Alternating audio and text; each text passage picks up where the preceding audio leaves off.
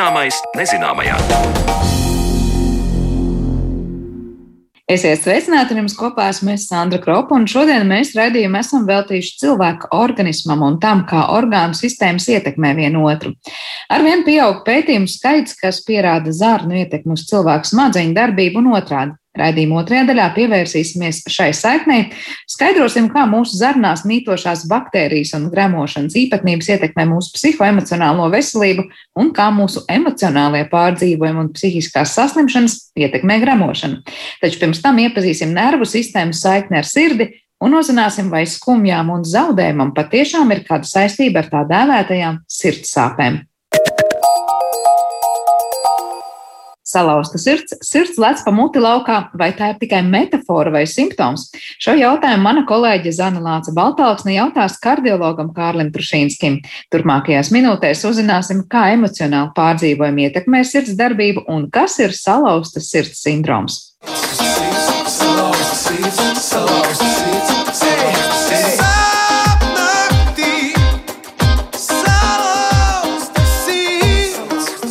Lai gan sirds ir orgāns, kas darbojas visai neatkarīgi, tomēr tā kā mūsu ķermenī viss ir saistīts savā starpā, tad pastāv saikne starp sirdi un emocijām, un sirds var tikt salauzta no negatīviem emocionāliem pārdzīvojumiem, gan pārnestā, gan tiešā nozīmē. Medicīnā eksistē termins salauztās sirds sindroms. Par to, vai sirds sāp kādu tuvu cilvēku zaudējot, vai tā ir stenokardijas pazīme, stāsta Rīgas Stradiņa universitātes docents un Paulas Stradiņa Kliniskās universitātes slimnīcas Latvijas kardioloģijas centra invazīvais kardiologs Kārlis Trušīnskis. Mums laikam ir jāuzmanās, jo varbūt abi varianti. Varbūt tiešām šīs stenokardijas tipa sūdzības, kas ir tāds klasisks sirds slimības piemērs, kad cilvēkam pie fiziskas slodzes, kāpjot pa kāpnēm, ejot pret kalnu, parādās žņaudzošas sāpes krūtīs, tur, kur krūtīs pa vidu, tur, kur slipsa un apstājoties pazūd, tās ir tiešām tās stenokardijas tipa sūdzības, kam jāpievērš ļoti liela uzmanība, jo tas var draudēt vēlāk jau ar miocardiju infarktu.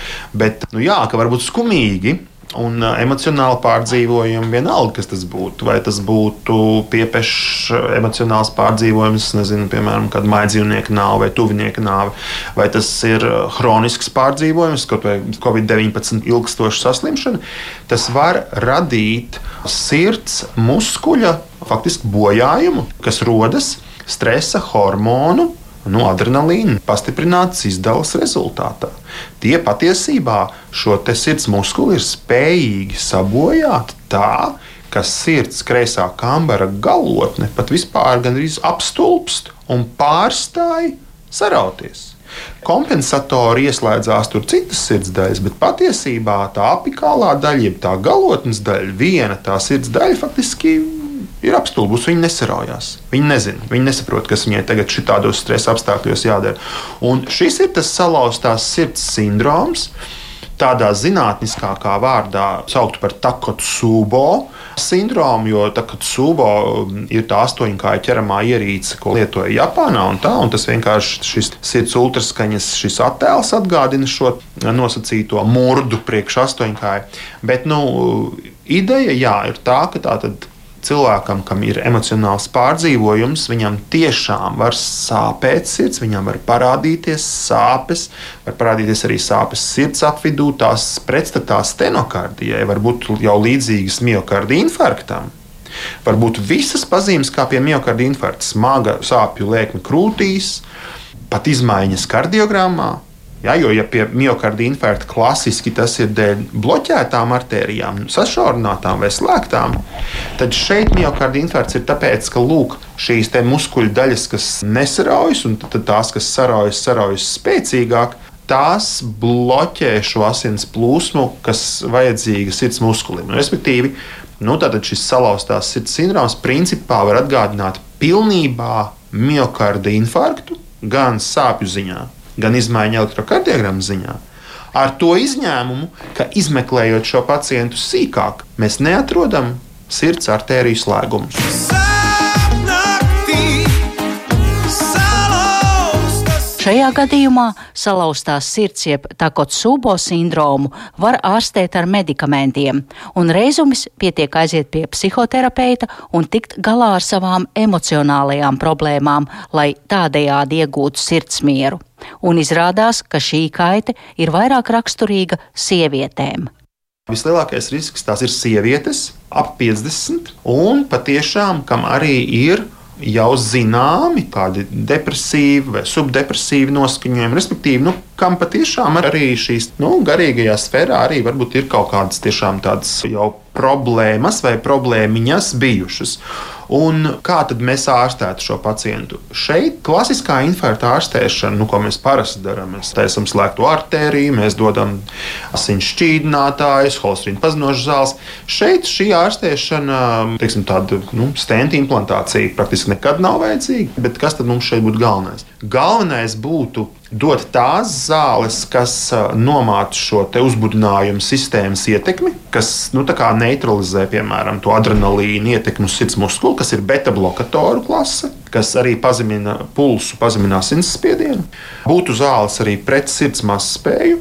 Un šeit būtu arī noteikti saruna ar pacientu par to, nu, kas tad ir bijuši šie pārdzīvojumi. Varbūt tie nevienmēr ir apzināti pārdzīvojumi, varbūt tā ir kāda kroniska slimība, bet visbiežāk tie būs emocionāli pārdzīvojumi, un tad arī noteikti runāt ar pacientu, kāds ir tas plāns tikt tam pāri, kas varētu palīdzēt, vai ir vajadzīgs medikamentu atbalsts, vai piksim, tur ir psihoterapija plānots iesaistīt, vai tur ir kaut kādas jau, es nezinu, dažādas citas metodas, ko mēs šodien zinām, ja, gan nu, sāk sākot no jogas, meditācijas, nezinu, cigūnu. Nu, vienalga, nu, tas ir ar katru pacientu individuāli jārunā. Bet jā, es teiktu, ka smagākos gadījumos tur noteikti prasītos. Tur varētu arī runāt par antidepresantu terapiju un tā tālāk.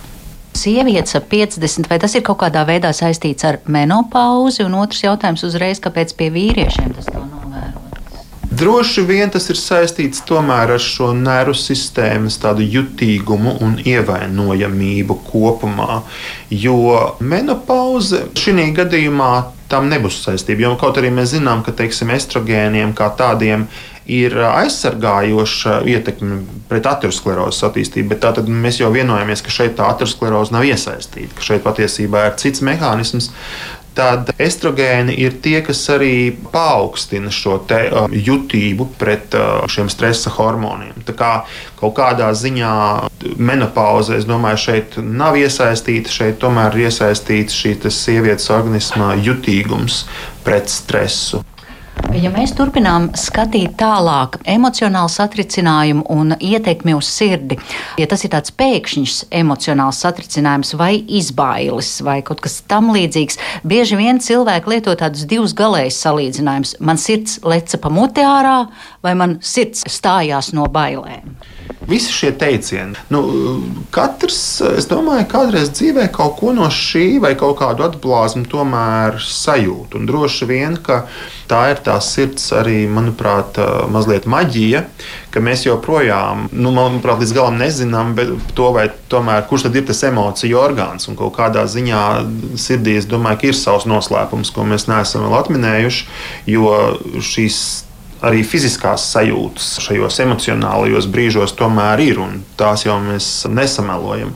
Bet, eh, protams, ka tas kas eh, varbūt no tādas tradicionālās medicīnas puses ir tas svarīgākais, ka mēs caur šiem teicieniem un caur šīm sajūtām nepalaidām garām tos sirds slimības simptomus.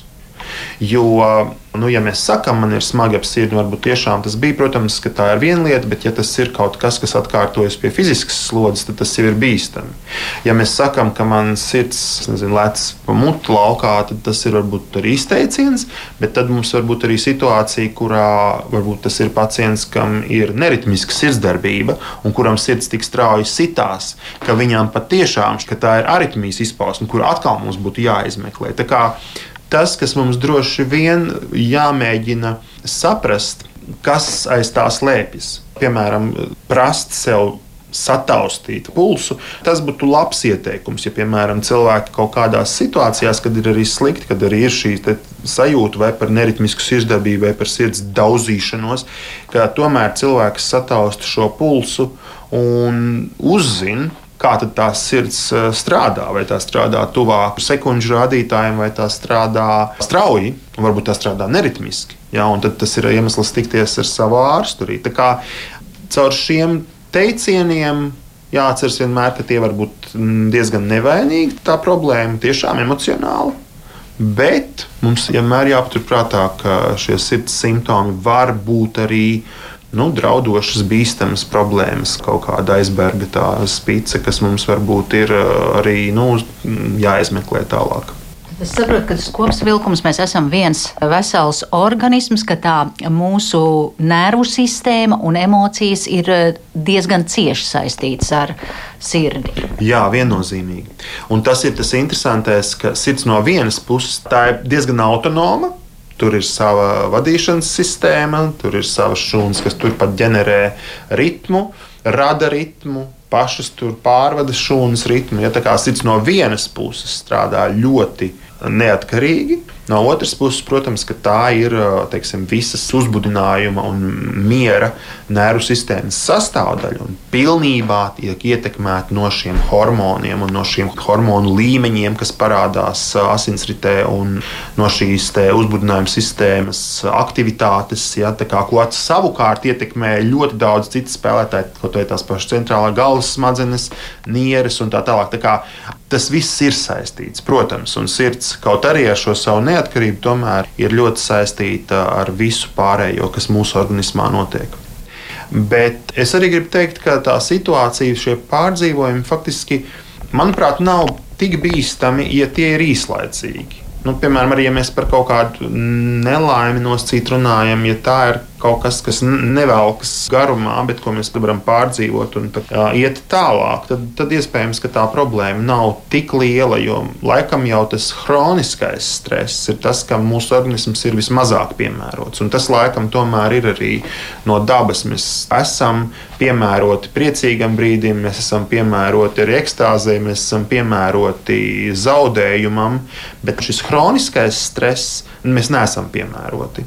Un, uh, Tas ir tas, ar ko ir tā grūtākā cīņa. Tāds chronisks, vidēji zemes intensitātes stress, par ko katram jāpadomā, un jāpadomā arī par tiem veidiem, kā to mēs varam kaut kā modificēt, vai kā mēs ar to varam strādāt, vai kā mēs varam to mazināt.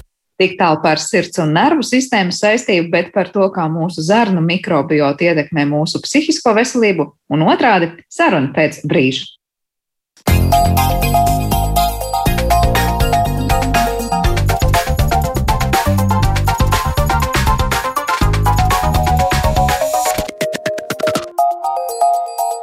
Zināmais nezināmajā. Cilvēka organisms ir apbrīnojami sarežģīts un smalks mehānisms, kas darbojas vienotā sistēmā, un šīs sistēmas darbību izprast arvien ir nopietns izaicinājums zinātnē. Taču neseni pētījumi tuvinājuši mūsu izpratni par vismaz vienu sadarbību starp mūsu orgānu sistēmām, un tā ir zarnu trakta miedarbība ar mūsu smadzenēm. Kā mūsu gremošana un zarnu mikrobiota ietekmē mūsu psihoemocionālo stāvokli un kādu ietekmi stress un trauksme rada mūsu gremošanas sistēmai, Par šo unikālo saikni tad šodien runāsim ar mūsu attālinātās studijas viesiem - gastroenterologu un Rīgas Stradiņu universitātes asociēto profesoru Alekseju Derovu un psihiatru Rīgas Stradiņu universitātes psihiatrijas un narkoloģijas katedras docenti Ļubovu Renemani. Labdien! Labdien! Labdien! Nu, ko, ir tāds teiciens, tu esi tas, ko tu domā, vai tu esi tas, ko tu ēdi. Kā mēs mūsu sarunas šīs dienas kontekstā varētu pārfrazēt, varbūt šo teicienu, proti, tās tavas smadzenes un nervu sistēma ir tieši tik labā stāvoklī, cik labā stāvoklī ir tava gremošanas sistēma un zarnu trakts, vai tik vienkārši gluži nebūs. Um, es nezinu, sākt ar, ar to vairāk psihoemocionālo vai ar to gremošanas pusi. Ļubov, sākšu ar to psihoemocionālo pusi. Ah, jā, bez šaubām kādā stāvoklī atrodas mūsu gremošanas trakts, ir ļoti svarīgi. Psihiska veselība, ja, garīgā veselība ir atkarīga no tā, kā darbojas vispār visas iekšējo organu sistēmas. Ja? Un, kā jūs jau teicat, gan psihiskā veselība, gan arī iekšā organu sistēma atrodas vienā tāda kompleksa. Ja? Un viens otru var ietekmēt. Ja? Un tad līdz ar to tas ir ļoti būtiski, ja? gan, gan, lai arī gremošanas trāks būtu kārtībā, ja? lai cilvēkam ir pietiekami labs emocionālais fons, ja? un mēs arī teiksim, varētu pateikt tā, ka uh, gremošanas traucējumi varētu būt par iemeslu, kāpēc var attīstīties arī psihiskas problēmas. Jā, par to, kas kuru vairāk ietekmē, var sakot, kas ir pirmais gremošanas traucējumi un tad psihiskas problēmas, vai otrādi mūsu dažādi psihoemocionālais stāvokļi, kas tiek ietekmēti no No gremošanas puses arī šiem parunāsim, bet, Aleksē, gribēju jums vaicāt, kā jūs vai piekritīsiet, vai teiksiet pārāk vienkāršots skatījums uz to, ka nu, tavas zarnas ir tas, ko tu domā. Nu, faktiski tagad jāsaprot um, vairākas lietas. Nu, tomēr tas pēdējais, nu, es pat teiktu, varbūt uh, pēdējo 20 gadu tie, tie, tie pētījumi un tie virzieni faktiski arī parādīja mums, ka uh, zarnā, zarnu trakts šeit orķestrī spēlē kā galvenā violi. Un faktiski, uh, pateicoties visam tam, kas notiek zarnā, mēs varam regulēt ne tikai gremošanas traktu kā tādu, ko ar, ar, ar ko viņš nodarbojas. Respektīvi, nevis nodrošināt savas pamatfunkcijas, bet faktiski viņš var ietekmēt arī un ietekmē ikdienā uh, visas pārējās organu sistēmas. Tā ir skaitā arī centrālu nervu sistēmu, kardiovaskulāru sistēmu, par ko arī varbūt vairāk arī nerunāja itin nemaz. Tagad, ņemot vērā visu covid stāstu un tā tālāk, izrādījās, ka mums ir arī zarnu plaušu as, mums ir zarnu aknu as, un respektīvi faktiski ņemot vērā visu to imunoloģisko kaskādi, vairāko arī citu procesu, kas, procesu, kas notiek tieši zarnās, tieši pateicoties vairākiem starpniekiem, pateicoties vairākiem mehānismiem, mēs caur zarnu e, varētu ietekmēt citas organu sistēmas. Tik vienīgais jāsaprot, ka šobrīd paši e, gribēdami kaut ko uzlabot zarnu un tādējādi ietekmēt arī visus pārējos organus, nu, šobrīd tas vēl varbūt arī būs e, salīdzinoši grūti. Bet faktiski to, ka tie, tie procesi ir sasaistīti kopā, tas ir, tas ir noteikti un tik e, vairāk nekā skaidrs. Un jāņem vērā arī, ka šobrīd to zarnu mikrobiotu izdala atsevišķi tāda virtuāla organā, Eh, ko īstenībā sataustīt nevar, pataustīt, paskatīties tā, tik vienkārši nevar. Bet faktiski mēs jau zinām, ka tas ir atsevišķs organs, kas ietekmē visu organismu kopumu. Bet tas, ko jūs tikko teicāt, tur pats neko tā regulēt un ietekmēt nevar, tad te, es pareizi saprotu vairāk stāsts par to, ka nu, tādā vai nu profilakses līmenī, vai tajā brīdī, kad cilvēks saka, man ir kādas konkrētas saslimšanas vai nu vienā vai otrā orgānā, nu tad es ķeršos pašrocīgi klāt pie tā zarnu mikrobioma kārtošanas un viss pēkšņi sastāsies savās vietās. Vai jūs runājat par to, ka tīri medicīniski tur nav tik vienkārši šobrīd nezinu, risināt problēmu zarnu mikrobiomā un sakārtot atbilstoši aknas, plaušas, smadzenes vai ko citu? Pirmkārt, kas vēl ir ļoti būtiski, pirms mēs sākam runāt par, te, par šiem procesiem, mums jāsaprot, kā mēs definējam mikrobiotu un kā mēs definējam mikrobiomu. Jūs jau pieminējat visu laiku mikrobiomu, bet tās ir visu mūsu to baktēriju, vīrusu, visu, respektīvi tas ir genomu kopā. Tas ir pavisam kaut kas cits. Jūs drīzāk laikam gribat runāt par to mikrobiotu, respektīvi pavisam tam baktērijiem, kas ir sakopot mums tieši, teiksim, kas dzīvojas mums resnējā zarnā. Jā, tā būtu precīzāk teikt. Par mikrobiotu runājam. Nu, lūk. Bet, protams, mēs kaut ko varētu darīt profilaktiski. Mēs kaut ko varētu mēģināt ietekmēt ļoti pastarpināti vai netieši. Bet šobrīd tīri ārstēt patiešo smadzenēs, sirds, plaušās ar, eh, ar probiotikiem, pieņemsim, lai uzlabotu to floru, nu, būs pārāk sarežģīti. Mums ir kaut kādas konkrētas nišas, kuras uh, konkrēti celmi pierādījuši savu aktivitāti, vai, teiksim, kaut kādu uh, celmu kombināciju pie atsevišķiem slimībām, pie atsevišķiem nozoloģiem. Bet noteikti tā, ka mēs jau uzreiz to ekstrapolētu uz visiem, tagad dzersim vienu kādu probiotiku, un visi jau dzīvosim laimīgi un, un veselīgi, nu, tas, diemžēl, nesanāks vēl pagaidām. Pagaidām, tad domāsim par to, kas notiks nākotnē, bet, eh, protams, mēs nevaram domāt par vienu konkrētu probiotiķu vai vienu konkrētu baktēriju celmu, kuru mēs teiksim, nu tad visiem tam ir jābūt. Es pieņemu, ka mēs šeit runājam par ļoti sabalansētu, daudzveidīgu to mikrobiālo vidi, kas ir mūsos, tātad par šīm te visām mikrobūtnēm, kas tajā zarnu traktā dzīvo, un cik tām ir jābūt tādā līdzsvarā, vai ne, lai tās visas pārējās orgānu sistēmas darbotos. Cik daudz mums konkrēti šobrīd ir zināms, nu, piemēram, Ļubov, es jums jautāšu, kas ir pie vainas, ja mēs runājam par kādām nezinu, depresijām konkrēti, vai mēs runājam par kādām citām vēl nopietnām saslimšanām, neiroloģiskām, Cik daudz ir zināms par to? Tad, pirmkārt, mums jāsaprot, kāda veida ir tas attiecības. Ja? No vienas puses, pats mikrobiots var ietekmēt ja, galvas smadzeņu darbības, ja, un, kā mēs zinām, galvas smadzeņu darbības tas ir tas organs, kas arī atbild par psihisku traucējumu attīstību. Bet no otras puses, pati slimības, nu, slimība, piemēram, tāda kā depresija vai trauksme, varētu arī diskutabls jautājums līdz šim brīdim nu, zinātnieki nevar atbildēt īsti, ja? vai tieši depresija izsauc mikrobiota izmaiņas, ja? vai tomēr mikrobiots tas ir tas, kas tieši provocē ja, psihisku traucējumu. Iespējams, viens no iemesliem, kas var provocēt psihisku traucējumu attīstību. Ja.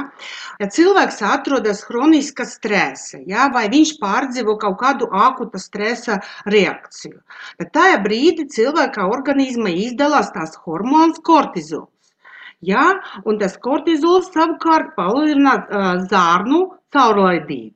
Ja, un tāpēc uh, endotoksīni, jā, kas atrodas gremošanas traktā un veidojas baktēriju sadalīšanas laika, jā, var iekļūt asinsrīti un izraisīt imunreakciju, jā, ko profesors jau teica. Jā. Un šajā gadījumā var sākties iekaisums, Un bez šaubām nervu sistēma uz to reaģē, un tos pat var mainīties garstāvoklis. Ja? Un tas var, tā teiksim, palaist vai provocēt, vai būt par tiešu iemeslu, kāpēc var attīstīties gan depresija, gan trauksme. No otras puses, ja, ka psihiskais stāvoklis var arī ietekmēt mikrobiotu, jā, un baktēriju sastāvu, jā, kas ir organ, organismā, un var izraisīt uh, disbakterioze, jā. Savukārt disbakterioze vaina zarnas gļotetes aizsarpunktu un provocē iekaisumu.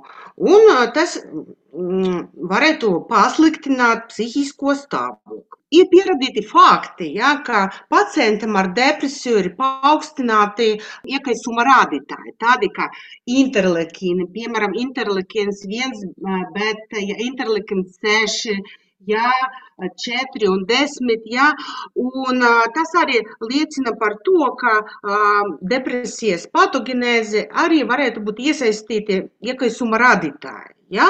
Un mikrobiots ja, ja, varētu provocēt vai pastiprināt to, to iekaisumu. Ja? Ir arī pētījumi par to, ka cilvēkiem ar depresiju ir mazāk laktobaktērijas, jā, laktobacillus un bifidobacilu daudzums. Un, kā mēs zinām, ka laktobacillus un bifidobaktērijas, viņam ir pret iekaisuma iedarbība. Ja? Un ar to var izskaidrot zārnu mikrobiotas lomu nu, šajā, šajā trajektorijā. Mēs zinām arī, ka kā pacientam ar depresiju, pacientam ar trauksmi, ja, ir atšķirīgs uh, mikrobiots uh, salīdzinoši ar cilvēkiem, kam nav tādus uh, psihiskus traucējumus. Ja? Un dotē brīdi pētījumi uh, parāda, kā jau profesors arī teica, ka uh, cilvēkiem ar psihiskiem traucējumiem ir izmainīts mikrobiots. Ja? Un, un šeit mēs runājam, protams, par bakteriālu cilmu kombinācijām. Ja? Bet ir, ir pētījumi, kas, piemēram, parāda nu, 14, 12 uh, baktēriju cilmu, uh, cilmus, kas varētu būt saistīti ar uh, depresiju ja? vai ar trauksmi. Ja? Bet nu, ir arī pētījumi, kas arī nu, ne, ne, nevar atrast tādas likumsakarības. Ja? Līdz ar to tas, tā, tā problemātika ir joprojām pētīšanas procesa, ja? un gala secinājumus mēs nevaram izdarīt. Bet nu, tādas kā hipotēzes tiek izteikti, un sapratu, Aleksē, jūs teicāt, tas ir tāds nu, pēdējā laika, nezinu, modes kliedziens zinātnē, tā var teikt. Tas jums ir pēdējais laiks, protams, nu, es domāju par pēdējo dekādi. Bet faktiski tā kā ir šobrīd ir vairāk tie, tie pētījumi, pie tām diezgan lieli, kas parāda tieši, ja mēs runājam par kaut kādām iekaisuma reakcijām, ja mums zarnu mikrobiota vairs nav homeostāze, Jā, samazinās arī tā daudzveidība, ko angļuiski sauc par diversity. Protams, mēs regulāri cenšamies ietekmēt to mikrobiotu ar dažādiem līdzekļiem, labiem un sliktiem visādā ziņā. Ja? Tad šeit mēs varam sagaidīt iekaisuma reakcijas, iekaisuma kaskādi palaišana papildus. Un šeit tie būs arī, ko kolēģi jau pieminēja, runājot par tiem interleikīniem un tā tālāk. Visvairāk šobrīd to sasaista tieši ar Parkinsona slimību un ar Alzheimeru. Nu šeit ir gan ciešāka korelācija. Ja? Pa vairākam pārējām lietām, protams, ir mums kaut kādas asociācijas, cik lielā mērā mēs varētu jau uzreiz paļauties, būtu sarežģīti. No otras puses, atceramies kopumā runājot par zarnu, bet bez visa mikrobio, bez visās uh, mikrobiotas. Mēs pieņemsim, atceramies, ka tas pats serotonīns, hormons, kas mums ļoti svarīgs, 90% no serotonīna ir nevis smadzenēs, kur tur vispār tikai 5%, bet 90% ir tieši zarnā, enterochromofīnas šūnas. Tieši tāpēc uh, es domāju, kopumā, ja mēs uh, mēģinām vilkt tas paralēlis starp zarnu traktu un eh, CNS tieši, tas ir krietni dziļāks un ne tikai aprobežojas ar mikrobiotu vai tikai ar zarnu. Tur ir tāds kompleksātāks eh, viss tas saites. Pa, pa, pa pārējiem organu sistēmām varbūt nedaudz savādāk, bet šeit es domāju, nu tā asa ir diezgan tāda, tāda strikta. Atkal vienmēr ir jautājums, cik lielā mērā mēs varētu to visu procesu ietekmēt, bet noteikti šeit jārēķinās ar to pat eh, vienkāršākais variants, pat arī, ja mēs neko papildus uzturu neuzņemam, neko sliktu pieņemsim organismu nedaram, tik līdz mēs stresojam visvairāk, kas, kas notiek tieši ar gremušanas traktu un īpaši, ja mēs runājam ar zarnu, mainās tā funkcija. Respektīvi, vai nu palēninās tā zarnu darbība, vai tieši otrādi stresa laika, kā mēs zinām, vairāk sūdzas par to, ka viņi sāk skraidīt līdz toaletei. Un, protams, jebkuras tās arī kustību izmaiņas arī veicinās, loģiski veicinās kaut kādas, ja tas ir ilgstošas, veicinās arī izmaiņas gan mikrobiota, gan arī ep, zarnu epitēlē un tā tālāk un tā joprojām. Tieši tāpēc tur ir, teiksim, es saku vēlreiz, tas mehānisms nedaudz kompleksāks. Bet tagad, klausoties, likās, ka nu, te varbūt pirmie tie hormoni, arī to, ko pirms tam dzirdējām, spērs to soli, proti, ir kaut kāds paaugstināts stresa hormons, notiek kaut kāds disbalans tieši hormonālajā līmenī, tas, kas ir zarnās, un līdz ar to nākamais solis jau ir šie mikroorganismi, kas tiek ietekmēti, vai tā gluži nav? Vienmēr ir jautājums, kas ir pirmais mums, ola vai vista. Un, eh, protams, tas ir tas arī tāds ļoti tāds, uh, slīdens, spekulatīvs jautājums. Jo, protams, ja pa vidu sākas stress, pirmais, kas sākas stress, sadzīves stress, darba stress, vienalga kāds stress, noteikti viņš izprovocēs, uh, ja viņš ilgstoši, viņš izprovocēs kaut kādas izmaiņas, kroniskas arī zarnā.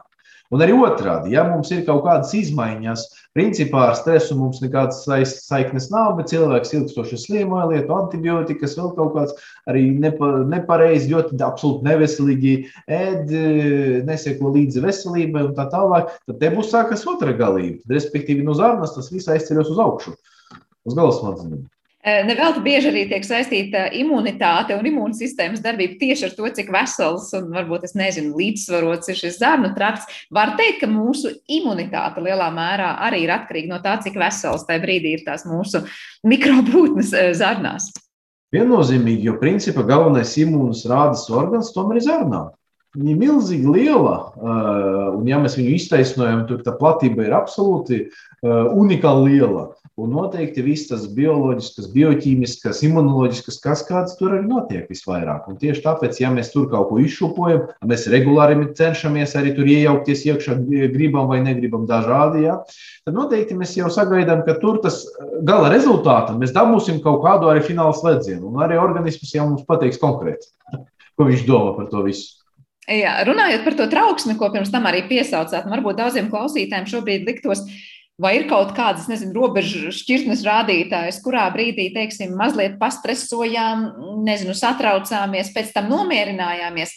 E, varam teikt, mūsu zarnu mikrobiota joprojām būs līmenī un līdzsvarā. Mēs to varam ļoti viegli kā, nu, nolikt atpakaļ kaut kādās normas robežās. Vai kā ir pietiek, es nezinu, satraukties pusdienu par kaut ko, un pēc tam patiesībā tās sekas būs jūtamas vēl kādu labu laiciņu? Cik viegli un cik ātri mēs varam teikt, esam atpakaļ elastīgi kaut kādās normas līmeņos? Mēs runājam, ka mūsu iekšējos organus uh, inervē, regulē vegetatīva nervu sistēma. Ja? Un vegetatīva nervu sistēma ir divas daļas - simpatiska un parasimpatiska. Ja? Un tas sistēmas atrodas līdzsvarā. Un tur, kur vajag, tad ieslēdzas simpatiska nervu sistēma, ja tā kā uzbudinās, pātrināta sirdarbība, tahikardija, pātrināta elpošana, ja? Un tur, kur vajag, piemēram, miega laika, ja, tad ieslēdzas parasimpatiska sistēma. Un atkarībā no situācijas tas sistēmas pārslēdzas vienam uz otru. Ja? Bet, ja mēs runājam par trauksmi, ja, bet mēs jau runājam par slimībām, ja, par trauksmanifobiskām slimībām, tad šeit mēs, protams, runājam par nu, klīniskiem variantiem, jā, tādiem kā generalizēta trauksme, jā, panikas lēkmes, dažāda veida fobijas. Jā. Un, ja mēs tieši runājam par generalizētu trauksmi, jā, tad šajā gadījumā trauksme jābūt uh, vairāk vai mazāk izteiktai jā, visu dienas garumā.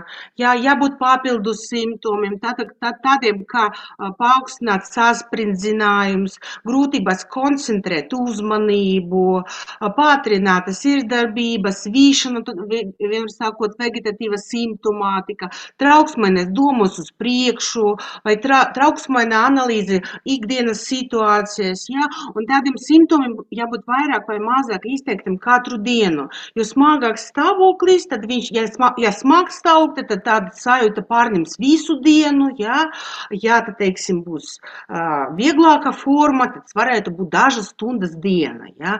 bet tas ir konstants stāvoklis, kurš, kurš atkārtojas katru dienu. Ja? Vai panikas lēkmes arī pieskaitām pie trauksmenifobiskiem traucējumiem. Ja?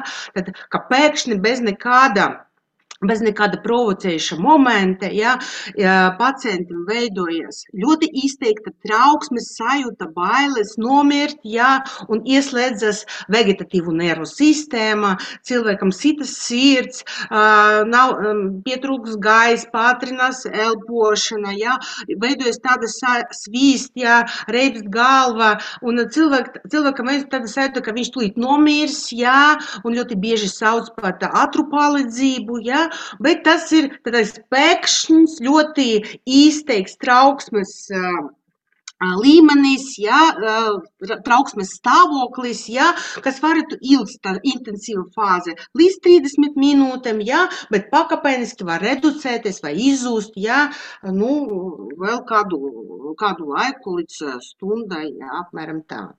Tad sanāk tajā jūs, klausot, jūs klausoties, ka nu, te mēs nerunājam par tādiem ikdienas īslaicīgajiem stresiem, lai jau runātu par kaut kādām izmaiņām konkrēti zarnu traktā. Tad tas ir kaut kas tāds, kas ātri organisms pats noliks sevi līdzsvarā un vietā.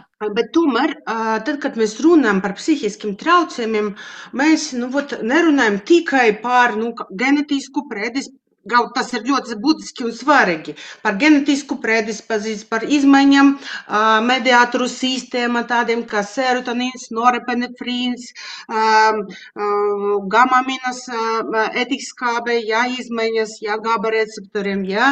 Un, bet mēs arī domājam par, gan arī par personību, kā fun funkcionē mūsu, kādi mums ir aizsardzrefleksi, bet arī tā skaita ko mēs ēdam, kam, kā, kādu dzīves stilu mēs ievērojam, ja? dažādi socioekonomiski faktori var ietekmēt, ja? un te varētu būt par riska faktoriem un var darboties kā triggers, lai attīstās arī tādi traucami, ko es arī minēju. Mhm. Ja? Fons, uz kura tam visam attīstīsies. Aleksē, droši vien būs ko piebilst par to, nu, cik ļoti ātri zarnas mums var nolikt atkal līdzsvarā un sevi sakārtot, ja esam bijuši kādam īslaicīgam stresam pakļauti. Nu, Pirmkārt, atceramies, ka tomēr stress ir laba lieta. Tīri vēsturiski stresa reakcija mums ir vajadzīga kā tāda, jo tas ir zināms arī aizsardzības mehānisms. Te jau es domāju, ka mums tik un tā jāatdala tie slimie cilvēki no veseliem vai nosacīti veseliem. Es domāju, tie, kam jau ir kaut kāds fons, pie tam nav obligāti, ka viņiem ir tāds uh, psihiskais fons, ir kaut izjaukts. Es domāju, arī tiem cilvēkiem, kam jau ir kaut kādas chroniskas uh, slimības, noslēdza vispār uz, uz gremošanas trakta problēmām. Nu, noteikti viņam pat arī ikdienas stress varētu radīt kaut kādas lielākas briesmas un lielākas problēmas. Pat arī runājot par tiem, kam, pieņemsim, ir tas saucamais kairināts zarnu sindroms. Arī šai gadījumā nu, viņiem varētu būt arī jebkura tāda neliela stresa parādība, varētu tiešām viņus izšūpot uz ilgu laika periodu. Protams, tiem, kam ir ko mēs, ko mēs ārsti pieskaitām pie gandrīz veseliem. Bet šajos gadījumos noteiktiem cilvēkiem nu, mēs nesagaidām, kā ikdienas stress, kaut kādas arī darba apstākļi, vēl kaut kādi apstākļi. Nu, mums varētu radīt uzreiz lielākas briesmas. Nu, visticamāk, ka nē. Protams, jautājums atkal, kāds ir izējas punkts, izējas stāvoklis. Ja jūs gribat to visu savilkt kopā ar mikrobiotu, tad, respektīvi, kāds ir tur izējas stāvoklis, ko visticamāk mēs nevaram tik vienkārši izmērīt un arī saprast. Mums arī jārēķinās, ka faktiski tā mikrobiota no vienas puses mums visiem būs ļoti, ļoti, ļoti līdzīga, bet te būs arī dažas kaut kādas specifiskas izmaiņas, kas ir raksturīgi konkrētam individam. Respektīvi, tas līdzīgi kā pirksta nospiedumi. Nu, nebūs absolūti identisks mikrobiots kombinācijas vairākiem cilvēkiem. Tāpēc arī tas jāņem vērā. Nu, protams, jāņem vērā, pat arī ja viņam nav nekādas šobrīd izpausmes, bet viņš jau, protams, savu, par savu organismu nerūpējas un izmantoja to ķermeni visādām kaut kādam nepareizam izgājienam, izdarībam un tā tālāk. Loģiski, ka tur jau varētu būt kaut kāds fons, un mēs nekad nevaram zināt, kurš tas stresa kairinājums Pirmais, piektais, 25. radīs kaut kādas lielākas izmaiņas organismā. Tad, atbilstoši tam visam, tur jāskatās, kā tur būs. Es mazliet pakavējoties pie tiem pirkstu nospiedumu salīdzinājumiem ar to mūsu mikrobiotu. Eh, protams, ka mēs nevaram gaidīt, un par to mēs esam daudz runājuši arī šajā raidījumā, ka nu, visiem mums tas būs identisks. Tas ir tiešām gluži vai kā mūsu pirkstu nospiedumu. Tomēr es gribēju vaicāt, vai mēs runājam, ka nu, to, ko jūs saucat par gandrīz veselu cilvēku, vai mēs saucam par veselu cilvēku, ir konkrēti celmi šo baktēriju, kuriem tur ir jābūt. Tad ir jautājums tikai par to, kādās kombinācijās, kādās proporcijās mums tas atšķirās. Vai nu, cik ļoti atšķirīgi patiesībā cilvēkiem, nezinu, kas ēd puslīdz varbūt līdzīgu pārtiku, tie, tie, tie mikrobiotas organismi atšķirsies. Oi, nu te ir vairāk faktori, kas ietekmē ģenētika, dzimums, vecums, ēšanas parādumi, vide, Jo atkal tie, kas lieto vairāk detergentus un tā tālāk, un tie, kas ir mazāk, respektīvi, tur jau ir diezgan plašas kombinācijas. Tāpēc es šeit nu gan būtu ļoti piesardzīgs. Noteikti mēs zinām tas lielos klases bifidobakterijas, laktobacīļi, vēl tas un tas un tas, kas visbiežāk arī tiek pieminēts arī tieši raidījumos, arī kaut kādas aptieku plauktos un tā tālāk. Nu jā, no tiem mēs varam kaut ko izsecināt. Bet es teikšu, pirmām kārtām, lielākā daļa no visas baktēriju kopas, kas tur mums apdzīvo mūsu zārā, saruna vēl nav identificēta vispār. Tas ir punkts viens. Punkts divi, protams, tā tomēr tai, tai piemīt savs unikāls komponents. Līdz ar to mēs kaut kā līdz tikai zināmai robežai varam ekstrapolēt, ka ok, kopīgas tur klases īpatnības varētu būt, bet nu, būs arī zināma kohorte, kad, kad pavisam atšķirās. Te gan mums vēl ir, es domāju, ka mēs daudzu interesantu notikumu esam priekšā. Uh, kas, kas mums sagaida vēl priekšā, kas, kas, kas varbūt arī nu, nedaudz parādīs, atspoguļos visu to krašņumu un bagātīgumu, kas tur ir. Eh, starp citu, arī runājot par to identifikāciju un kas tur ko tur, eh, faktiski pirms gadiem 20, 30 visa tā genoma identifikācija, tagad es runāju par genomu, ja? tad, kad mēs veicam sekvenēšanu tieši no zarnas eh, mikrobiotas, mēģinām izdabūt ārā, kas tur dzīvot, visas tas baktērijas, tas sugas. Nu, faktiski toreiz, toreiz tas prasīja miljonus. Tagad Īstenībā visi tie pētījumi prasa jau tūkstošus. Tas nozīmē, ka mēs esam spēruši tā jau tā diagnostika, un ne tikai mikrobioloģija, bet vispār diagnostika nopietnu soli uz priekšu. Es domāju, ka tuvāku piecu, desmit gadu laikā varētu jau parādīties diezgan spēcīgas paneles, kas ļautu mums identificēt tieši konkrēti tāvu, nu, vismaz tik tālu, cik mēs zināsim, arī tas sugas, tāvu mikrobiotas nospiedumu, ja, zārnā. Un mēs varēsim jau uh, to visu jau biežāk un, teiksim, uh, pieejamāk tas būs arī kliniskajā praksē. Un atbilstoši tam visam jau varēsim kaut kādas korekcijas veikt. Tad, jā, tuvākajā nākotnē arvien nu, tuvāk varēsim un precīzāk ielūkoties tajā, nu, cik ļoti atšķirīgs vai līdzīgs ir tas mikrobiotas sastāvs. Tātad mums katram cilvēkam vienam no otra, bet noslēdzot šo sarunu, es domāju, ka tagad pievienotos man daudz klausītāju, kas gribētu teikt, nu, tā vienkārši runājot, vai mēs liekot visus punktiņus uz īņa, varam teikt, ka, ja mēs runājam nevis par konkrētu probiotiķu lietošanu vai nelietošanu, bet nu, tādu sabalansētu uzturu, fiziskajām aktivitātēm, visu to, ko mēs runājam, kas ir veselīgam dzīvesveidam, veselīgam organismam vajadzīgas lietas. Mēs varam gaidīt, ka mēs mazināsim, piemēram, savu trauksmu vai stresa līmeni, ja mēs runājam par to slikto stresu, ne to labo. Un otrādi, proti, mazinot šos savus ikdienas stresus un neļaujot tam pāraukt tajā ilgtermiņa stresā, mēs varam sakārtot to savu mikrobiotas nu, nezinu, dzīvi ar, ar to, lai tur viss būtu daudz maz līdzsvarā un, un tas organisms tiešām varētu funkcionēt nu, tā, kā tam būtu jāfunkcionē. Ļubov, sākšu ar jums.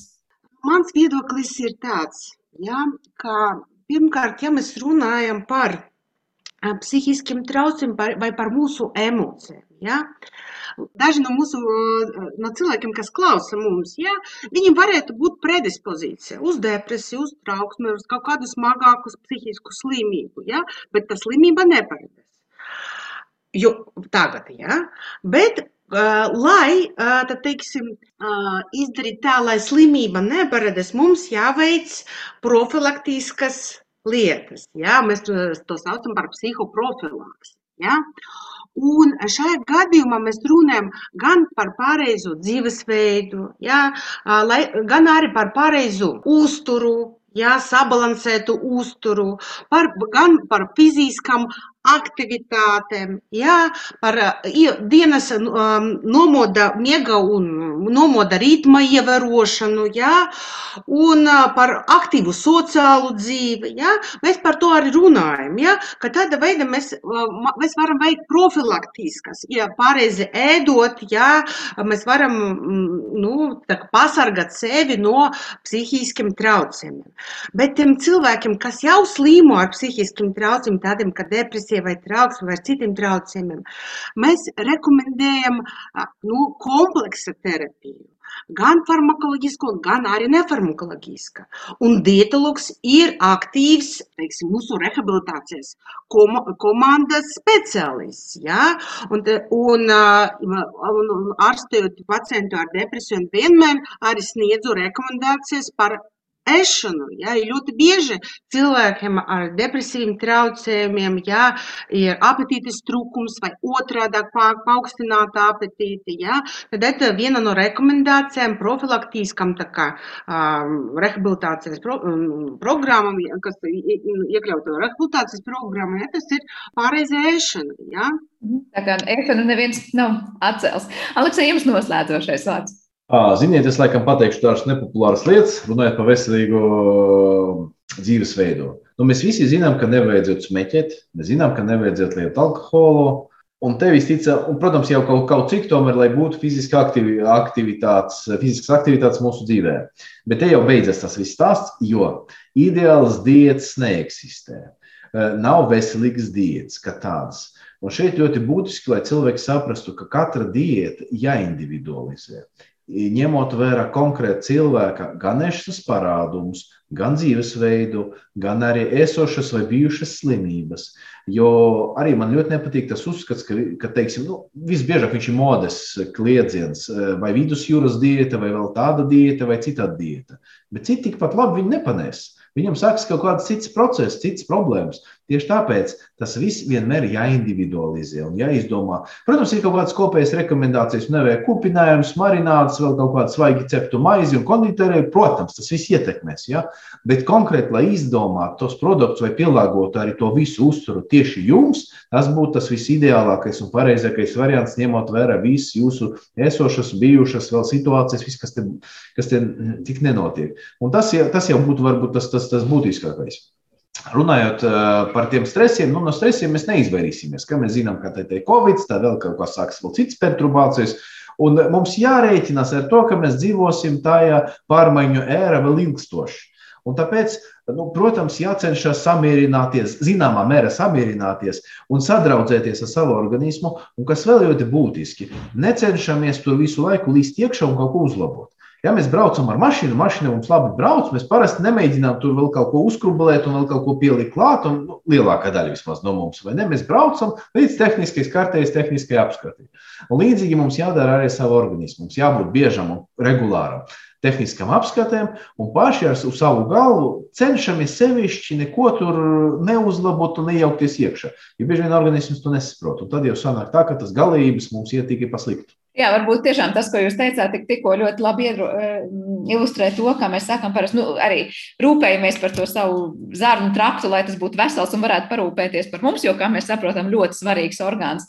Tad patiesībā arī labās rūpes dažkārt nozīmē neaiztikt par daudz un nemainīt par daudz un neuzlabot varbūt tajos brīžos, kad nav nekas tajām jāuzlabo. Lielas paldies jums abiem par sarunu. Jautājumu, kā parasti, ir ļoti daudz, kurus vēl varētu risināt, bet skaidrs ir viens, ka šī tēma ir ļoti, ļoti aktuāla un arī zinātnes pasaulē ar vien jaunu atklājumu. Es domāju, tuvākajos gados mēs dzirdēsim par to, kas tad īsti mūsos dzīvo un cik ļoti mēs esam atkarīgi no tā, kādas ir šos mikrobūtņu sabiedrības mūsu zarnu traktā. Paldies par sarunu, teikšu gastroenterologam un Rīgas Tradiņu universitātes asociētajam profesoram Aleksējam Derovam, kā arī psihiatrei un Rīgas Tradiņu universitātes psihiatrijas un narkoloģijas katedras docentei Ļubovai Renemanai. Ar to arī raidījums ir izskanējis. Paldies par klausīšanos un uz tikšanos!